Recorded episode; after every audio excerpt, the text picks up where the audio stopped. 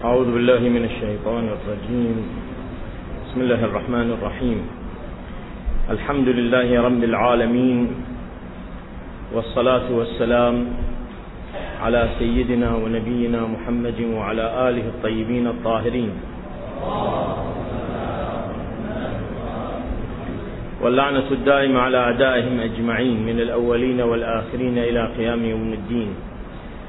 اللهم ربنا وفقنا وجميع المشتغلين واجعله خالصا لوجهك الكريم إنك أرحم الراحمين.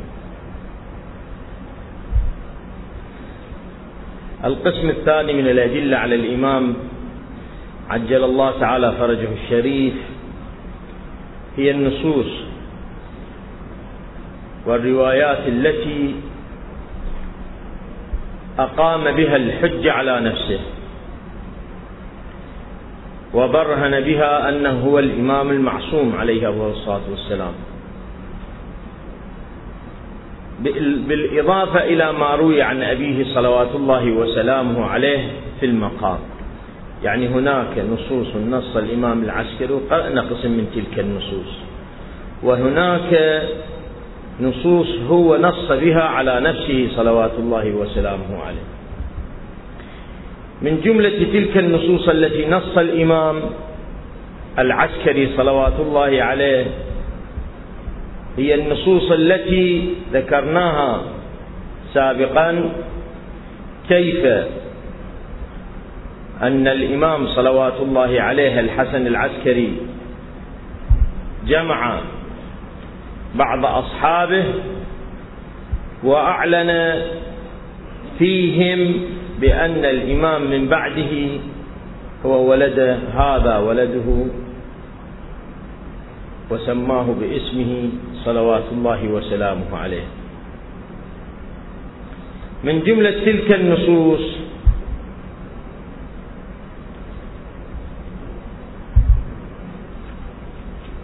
التي قرأنا بعضها التي قرأناها لا نعيد. الرواية التي في كمال الدين في كمال الدين. عن يعقوب بن منقوش قال دخلت على أبي محمد الحسن بن علي عليه السلام وهو جالس على دكان في الدار. الدكان معناه إحنا بتعبيرنا الجلفي العامي دتشة. وهو جالس على دكان في الدار وعن يمينه بيت.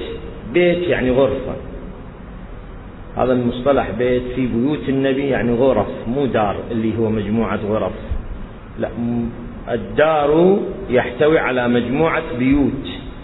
وهذا مصطلح لحد الآن في لبنان في بعلبك يستخدم البيت بمعنى الغرفة الواحدة. وهو جالس على دكان في الدار وعن يمينه بيت وعليه ستر مسبل نازل. يعني برد نازل. فقلت له يعقوب يقول يا سيدي من صاحب هذا الأمر؟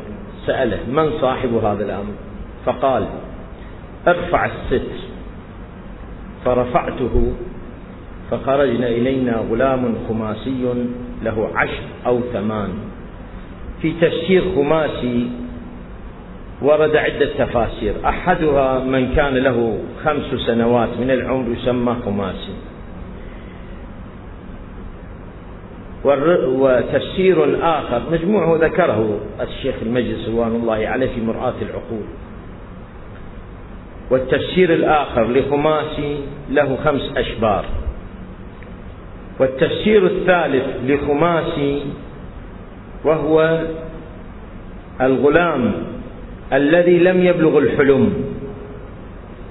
من خمس سنوات إلى ما يقارب 12 13 سنة في هذا العمر يسمى خماسي. هنا ثلاث تفاسير. الآن أي صح مو محل ابتلاء في تقييم المعنى الأصح لأن ثلاثة ممكن أن تكون وتنطبق على المطلب. فخرج إلينا غلام خماسي له عشر أو ثمان. يعني عمره عشر أو ثمان قدره هو. أو نحو ذلك. واضح الجبين أبيض الوجه دري المقلتين. يعني عيونه تشع بهاء ونور. شتن الكفين شتن إما بمعنى غليظ وكبير هذا معنى من معاني شتم وإما بمعنى خشن اليدين خشنة. معطوف الركبتين.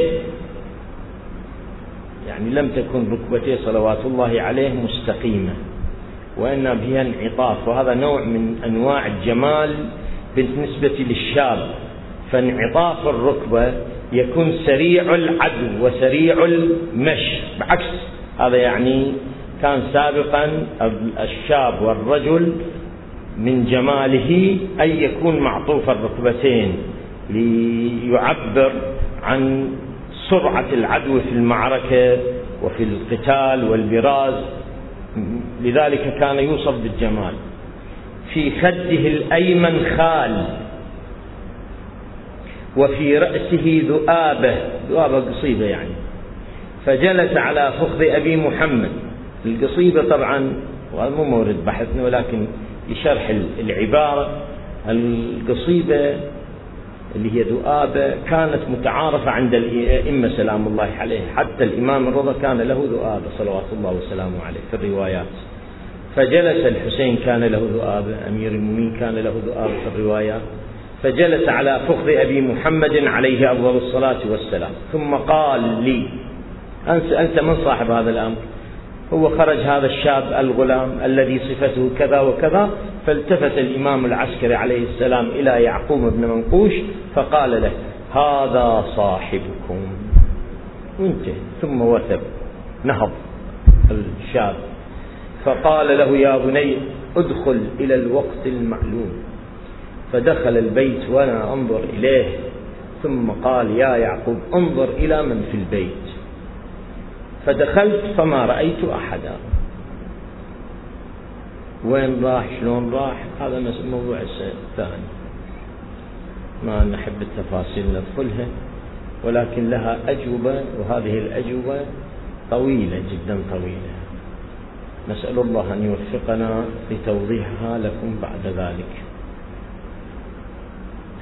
الرواية الأخرى ينقلها الفضل ابن شاذان في كتابه الغيبة. حدثنا إبراهيم بن محمد بن فارس النشابوري لاحظ هذا ماكو واسطة بينه وبين إلا هذا.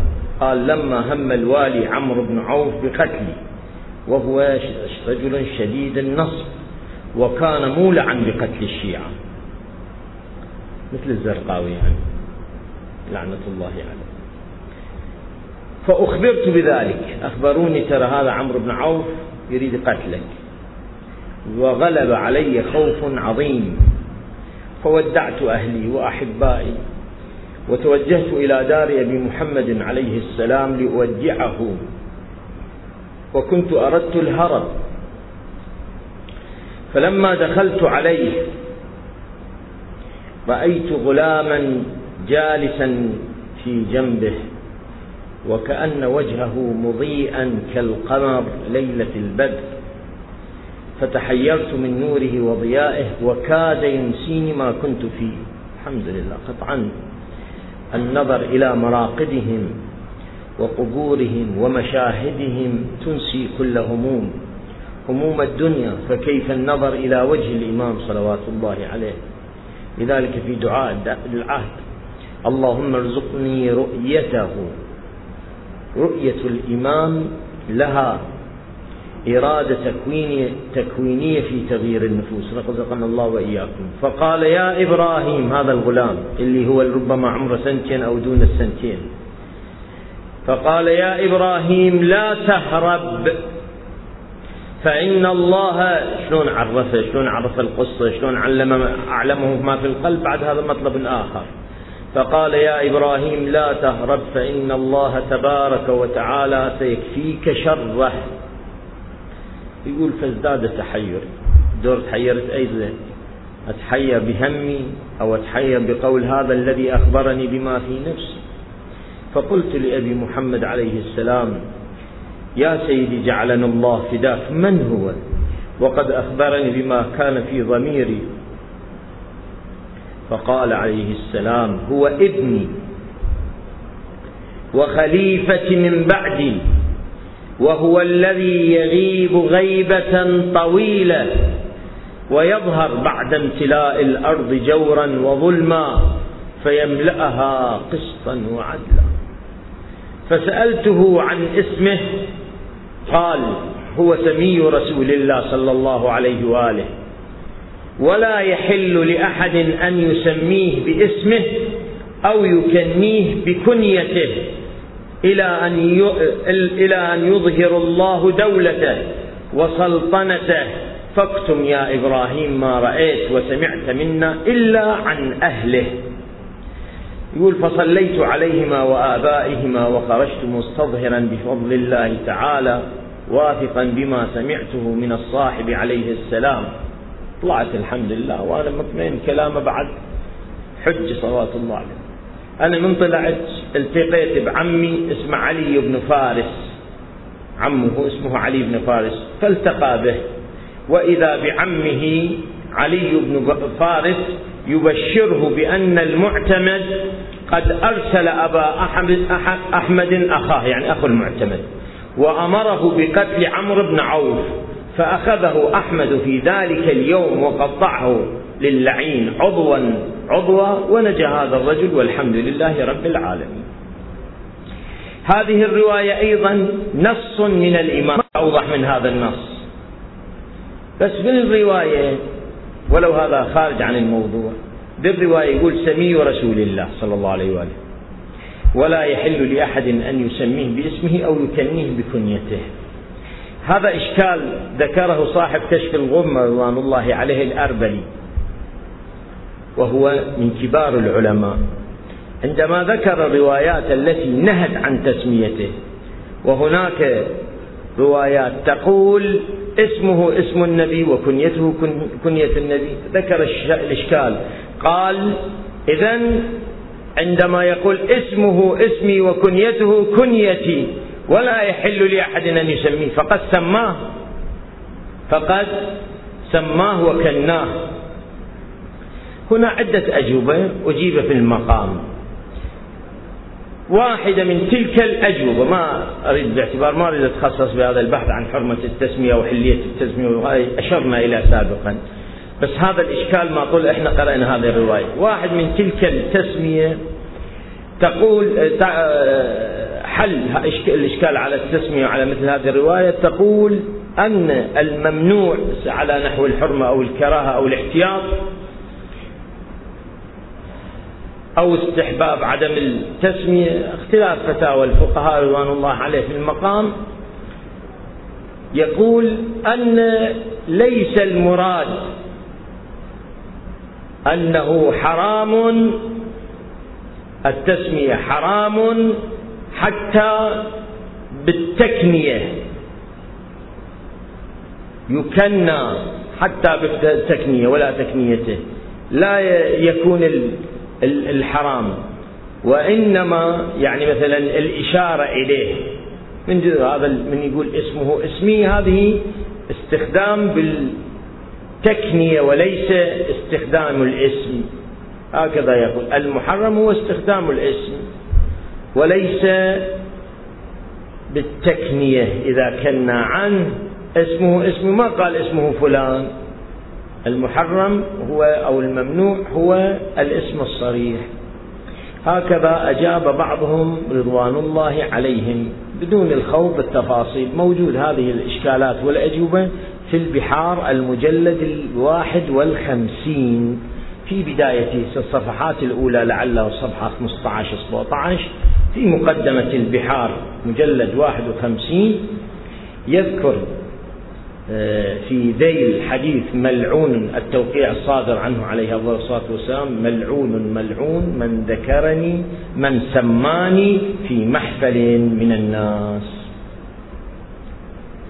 هناك مجموعة من الروايات التي نص بها الإمام صلوات الله وسلامه عليه نص بها على ولده. هذه الروايات التي نص بها صلوات الله وسلامه على ولده كثير قرينا قسم والقسم الآخر موجود في مصادرنا المهمة مجموعة في هذا الكتاب الحي هم مجموعة من تلك الروايات لا بأس بالعدد يمكن الإنسان يستفيد منها في المقام. هناك أخرى رواية ينص الإمام العسكري على ولده.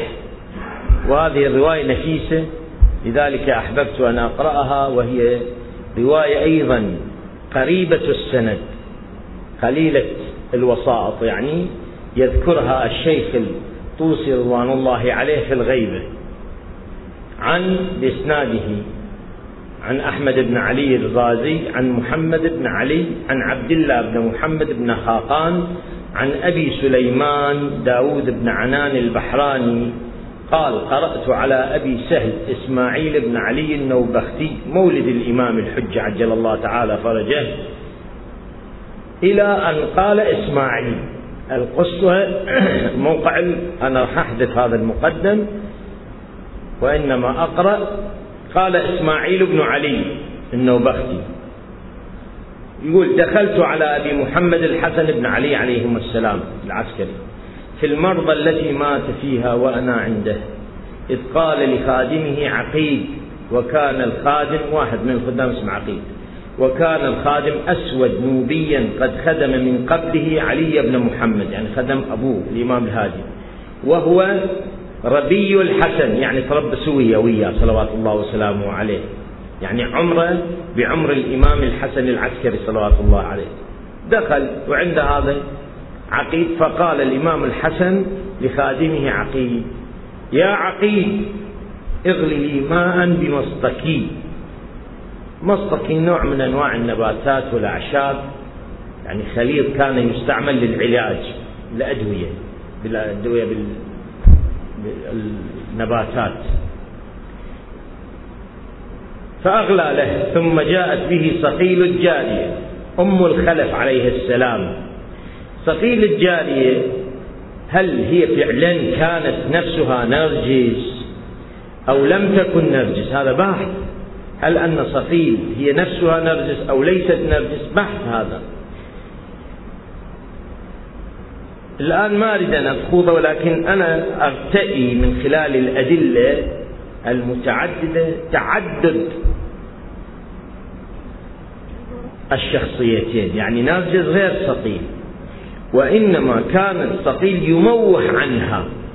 يعني حتى يخفى أمر نرجس ولا تقع تحت ضغوط الدولة.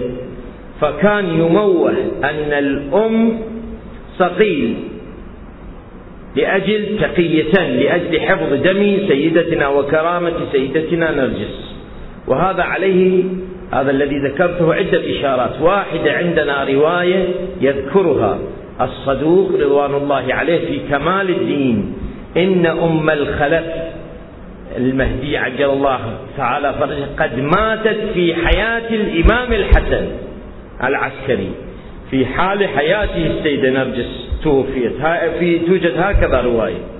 وتوجد روايات أيضا أن صقيل لم تكن. أيضا هناك رواية أخرى أن صقيل ليست هي أم الإمام وإنما هي خادم من خدام الإمام العسكري. على كل حال ثم جاءت به صقيل جاءت بهذا المي الدول الذي به ماء مصطكي فلما صار القدح في يديه وهم بشربه فجعلت يده ترتعد حتى ضرب القدح ثنايا الحسن فتركه من يده وقال لعقيد ادخل البيت فإنك ترى صبيا ساجدا فأتني به. قال أبو سهل يعني إسماعيل النوبختي صاحب القصة القضية هاي. قال أبو سهل قال عقيل فدخلت أتحرى. فإذا أنا بصبي ساجد رافع سبابته سبابته نحو السماء فسلمت عليه فأوجز في صلاته فقلت إن سيدي يأمرك بالخروج إليه.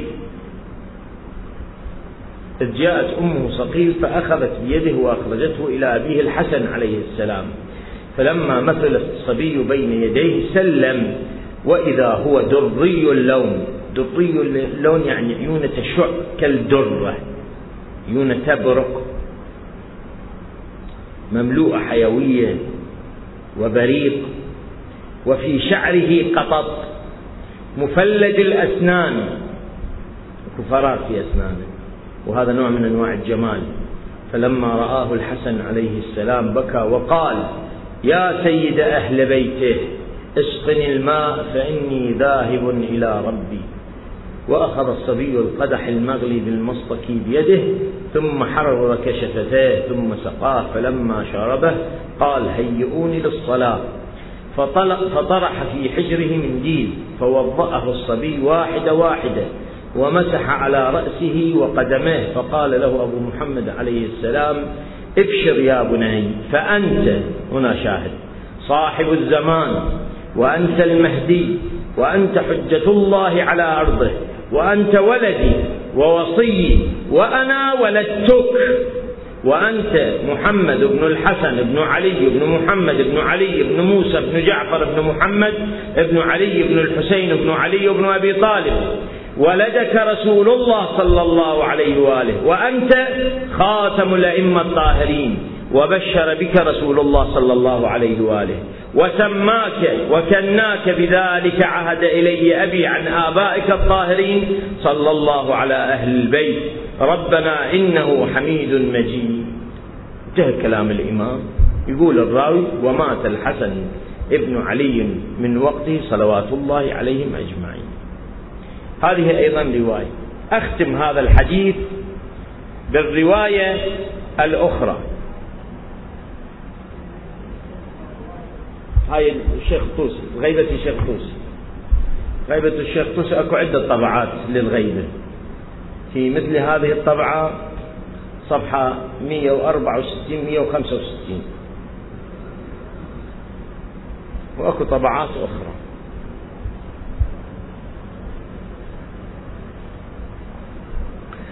الرواية الأخرى نلاحظ رواية أبو الأديان. طبعا هي عشرات الروايات. أنا فقط للتبرك أذكر هذه الروايات. عشرات الروايات. الرواية الأخرى رواية أبو الأديان. أبو الأديان خادم عند الإمام العسكري صلوات الله وسلامه عليه. ويأتمن يظهر أنه كان يأتمنه على سره. أبو الأديان يقول في تلك الليلة ليلة الإمام أو في تلك الليلة مو ليلة وفاة الإمام في تلك الليلة التي أمره بها الإمام صلوات الله وسلامه عليه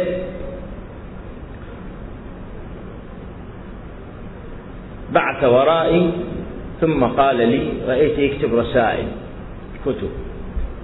ثم قال لي يا أبا الأديان إني باعثك بهذه الكتب إلى الوكلاء في المدائن. طريقة الأئمة صلوات الله وسلامه عليهم طريقة تاريخية هي طريقة الوكلاء. طريقة الوكلاء. هذا الموضوع موضوع طويل وأنا شرحت مفصل في كتاب الحير ولا بأس إذا اللي واحد عنده وقت يقرأ جيد. مفيد. له بس اشتد هذا الوضع والوكلاء في حياة الأئمة المتأخرين. في حياة الإمام الهادي والإمام العسكري. ولذلك الإمام الهادي كان خروجه ولقاء بالناس قليل وإنما الناس يلتقون بالإمام بواسطة الوكلاء فيكتبون للإمام والإمام يجيب. إمام حتى في الأمور العادية يعني مو مو الأمور الشرعية. حتى إذا واحد عنده شغلة عند الإمام يقول له اكتبها. اكتبها نوصلها إلى الإمام. يروح للباب يدق الباب ما يفتح الإمام الباب يفتح الخادم ثم تعطى الرسالة للخادم يقول له تعال بالوقت الفلاني. وهناك قضايا كثيرة من هذا القبيل روايات كثيرة من هذا القبيل. ويعطى موعد فيعطى الجواب. لماذا؟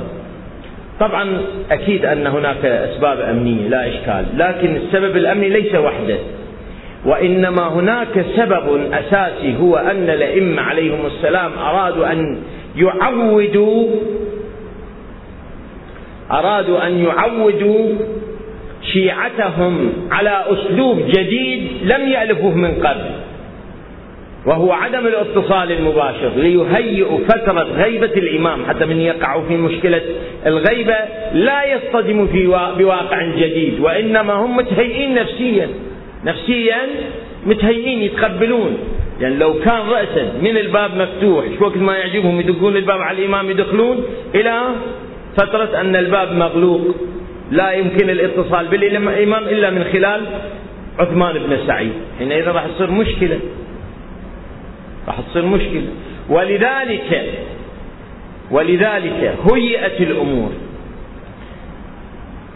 نجد في حياة الإمام العسكري تضيق الأمر أكثر بالاتصال بالإمام صلوات الله وسلامه عليه.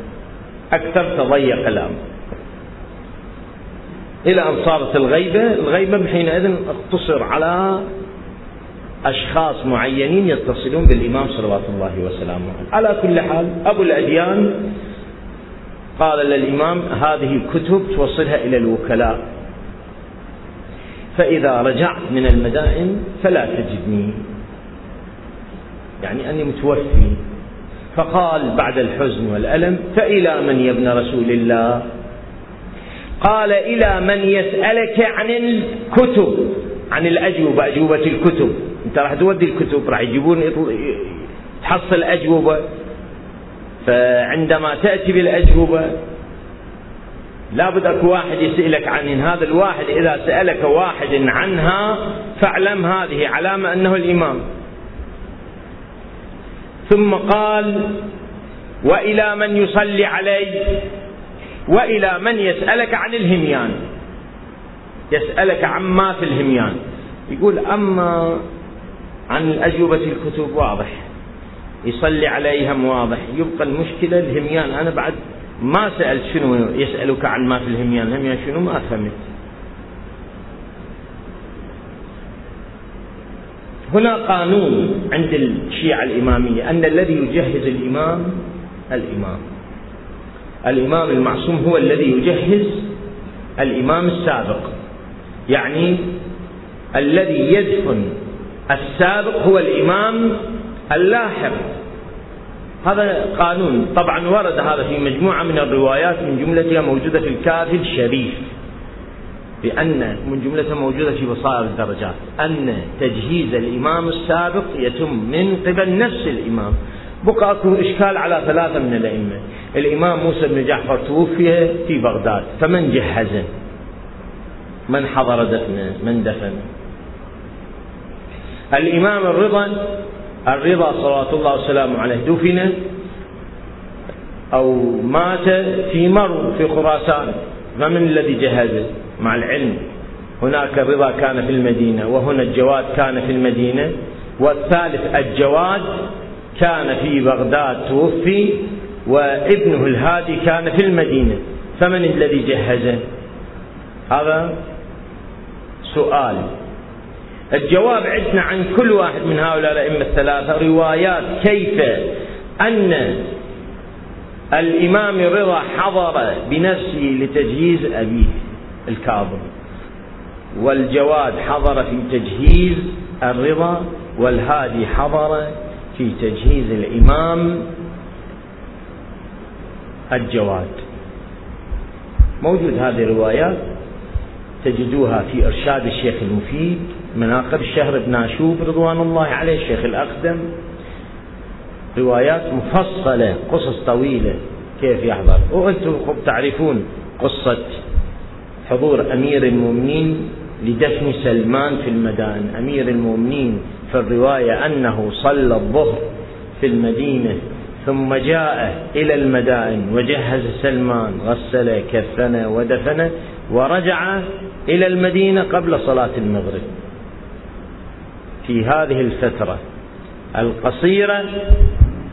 أما ليش سلمان؟ باعتبار سلمان في بعض الروايات أنه آخر وصي من أوصياء عيسى أو أنه آخر وصي من أوصياء شمعون وصي عيسى.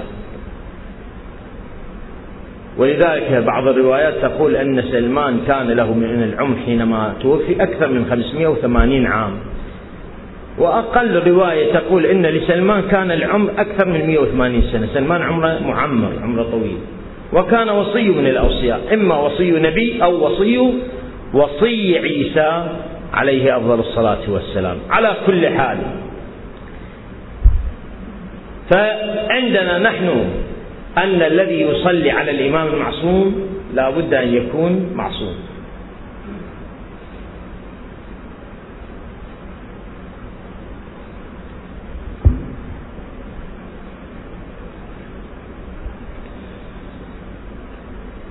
يقول هذا أنا أخذت الكتب جئت إلى المدائن بقيت استريت على الوكلاء خلصت أشغالي أعطوني الأجوبة أعطوني الأموال الهدايا إلى الإمام عليه السلام لأوصلها وهذا الموضوع خليته بقلبي وأتمنى أن يكون لله فيه بداء.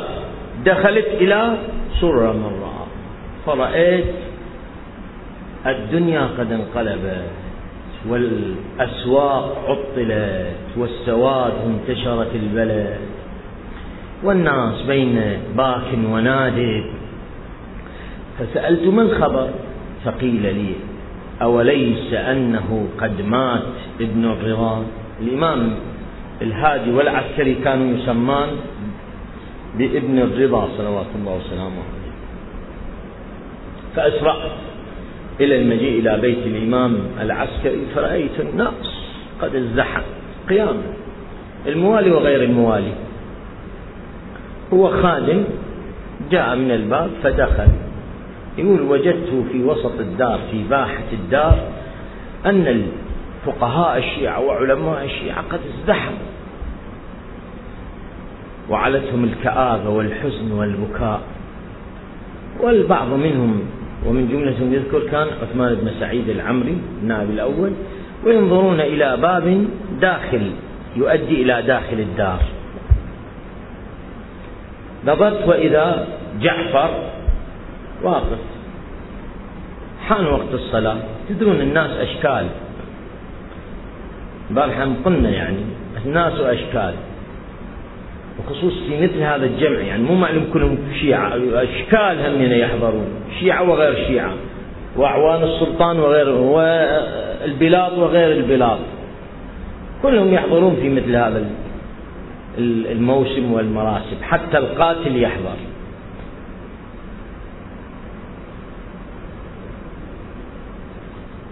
فتأخرت الصلاة. فقدم بعضهم جعفر. قال قالوا له تقدم. يا جعفر وصل على أخيك. فقهاء بعض الفقهاء قال لئن صلى لئن صلى عليه لبطلت الإمامة. يعني إحنا نعتقد أن الإمام ما يصلي عليه إمام فإذا كان هذا الإمام بعد إذا ماكو إمامة. إحنا راوين 12 إمام طلعوا 12 11 إمام لأن هذا مو إمام. كان جعفر للأسف الشديد كان مدمن على الخمر يشرب المسكر. وكان إذا مشى بالنهار حملت أمامه الشموع لأن يعشو من كثرة السكر والطرب واللهو في الليل. وكان يلهو ويسامر السلطان ويا المعتمد. هو أصلا جابوه من المدينة لهذه الحالة التي فيه لأجل هتك الإمام العسكري ولهتك آل البيت عليهم السلام. جابوه إلى سر مرة لأجل الهتك. هو هذا الموسم ماله. وبعد ذلك بعد الحادثة سرق بيت الإمام ودل على الإمام ودل على المدعى صقيل أم الإمام. وحبست عدة سنوات في رواية ثلاث سنوات في رواية سبع سنوات حبس الصقيل وإلى آخره. من المآسي التي عملها جعفر ولكن بعد ذلك سئل الإمام صلوات الله عليه عنه فكتب بالتوقيع وأما سبيل عمي جعفر فسبيل إخوة يوسف. هذا التوقيع صدر عنه صلوات الله عليه. يعني حال جعفر مثل حال أخوة يوسف. أخوة يوسف شالوا يوسف ذبوه بالبير يريدون يقتلوه يتخلصوا منه. لكن بعدين فوقعوا له ساجدين. ثم عفى عنهم وكان لهم منزلة عنده عليه السلام. فكذلك جعفر عفى عنه الإمام وتاب ولذلك يقال أنه جعفر التواب. هذا في تأريخ جعفر ما لا ربط بالقضية بس هؤلاء بعد كان جعفر في هذه القضية بعد كان يشرب الخمر ومعطل أحكام الله وحدود الله. في هذه الأثناء قال جعفر قال الشيعة لئن تقدم هذا لبطلت الإمامة جعفر الأخ تقدم ما تعرف هو هذا هاي فرصته. هو فرصته هاي. إنسان انتهازي مدعوم من قبل السلطة مدعوم من قبل الحكومة. والحكومة من مصلحتها أن تنقض مذهب الإمامية. هو هذا من فرصتهم. هوسوا له جعفر جعفر جعفر جعفر. امشي. جعفر وقف أمام القوم يصلي ورفع يديه للتكبير. والشيعة ينظرون بعضهم إلى بعض. وخائفين. وفقهاء الشيعة ينظرون إلى الباب يا رب أنقذنا. في هذا الأثناء طبعا بعض العبارات أنا أو اللي توضيحية وليست من النص مثل يا رب أنقذنا ولا وما إلى ذلك توضيحية. يقول في هذا الأثناء عندما رفع جعفر يديه وهم به للتكبير يعني يريد يصعد الله أكبر يصلي صلاة الميت. وإذا يخرج شاب هو في الرواية غلام شاب خماسي من تلك الباب باب الدار الداخل يخرج فيومئ إلى جعفر ويقول يا عم تنح. صر على صفحة. فإنه ليس مقامك وإنما مقامي. تقول الرواية وكأن نزل على جعفر. ما لم يستطع به أن يتحرك. وخر سكت وقال نعم يا مولاي سيدي نعم يا سيدي. ووخر على صدحه وانتهى الشغلة وهو الشاب هذا الخماسي وقف وكبر على أبيه وصلى على أبيه. هذا هنا سؤال سؤال لطيف. الإمام إذا كان عمره خمس سنين يعني غير بالغ. تعابيرنا يعني خمس سنين ما يبلغ فكيف يصلي غير البالغ صلاة الميت؟ شلون؟ هذا سؤال. جوابه هذا اللي بيناه بالإمامة أن لهم أحكام خاصة. آتاكم الله ما لم يؤت أحدا من العالمين. طبعا مو بس ويا الإمام المهدي. عندنا رواية عندما تزوج الإمام الجواد ابنة المأمون أم الفضل كان له من العمر تسع سنوات وأشهر. تسع سنوات وأشهر. وهذه الرواية أيضا تجدوها في إرشاد الشيخ المفيد.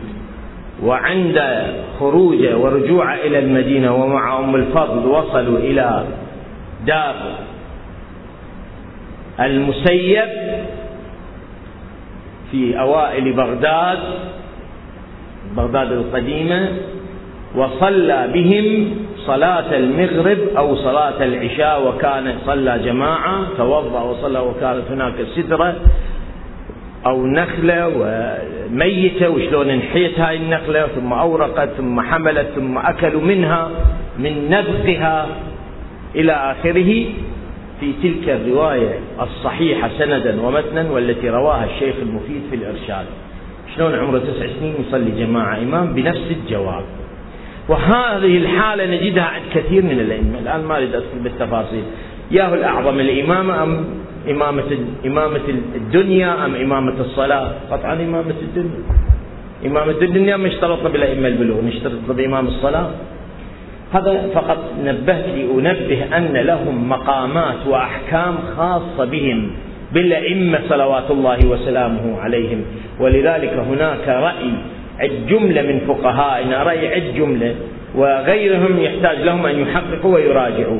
يقولون يحرم الزواج بالنساء التي يدخل بها الإمام المعصوم يتزوج كما هو الحكم بالنسبة للنساء النبي التي تزوجها ودخل بهن.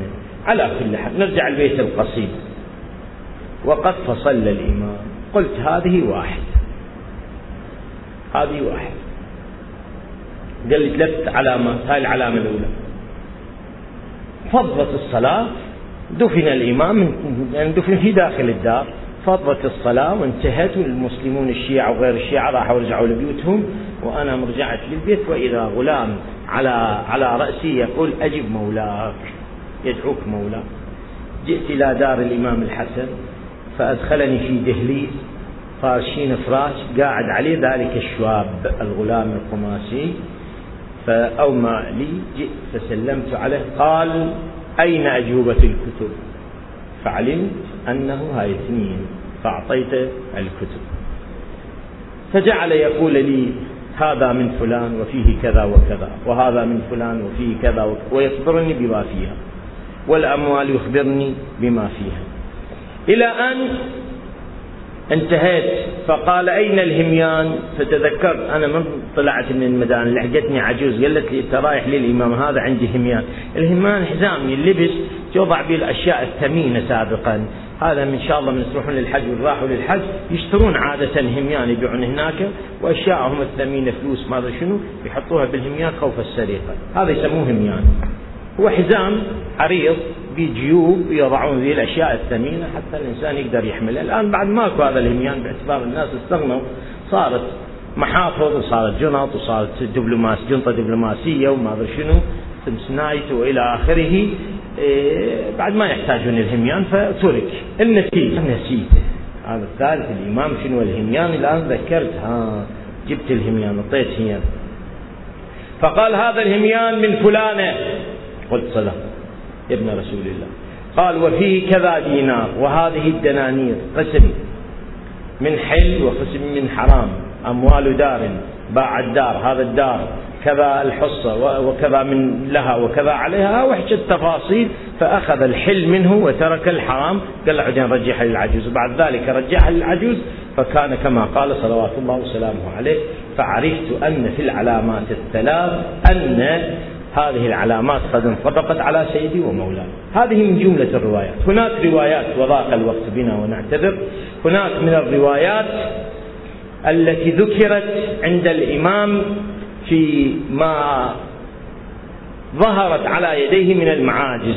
هذا باب وهناك نوع آخر من الروايات التواقيع الشريفة التي خرجت منه. وفي بعضها معاجز. يعني فيها بعض إخبار عن أمور غيبية وهي كلها موجودة ومذكورة في غيبة الطوسي في كمال الدين في كتب أخرى قد ذكرت بمجموعها. أسأل الله سبحانه وتعالى العفو والعافية. طبعا من المجموع هذا يمكننا أن نكون صورة عن الأدلة التي يمكننا أن نستدل بها على إمام سيدنا ومولانا بقية الله الأعظم عجل, عجل الله تعالى فرجه. والحمد لله رب العالمين.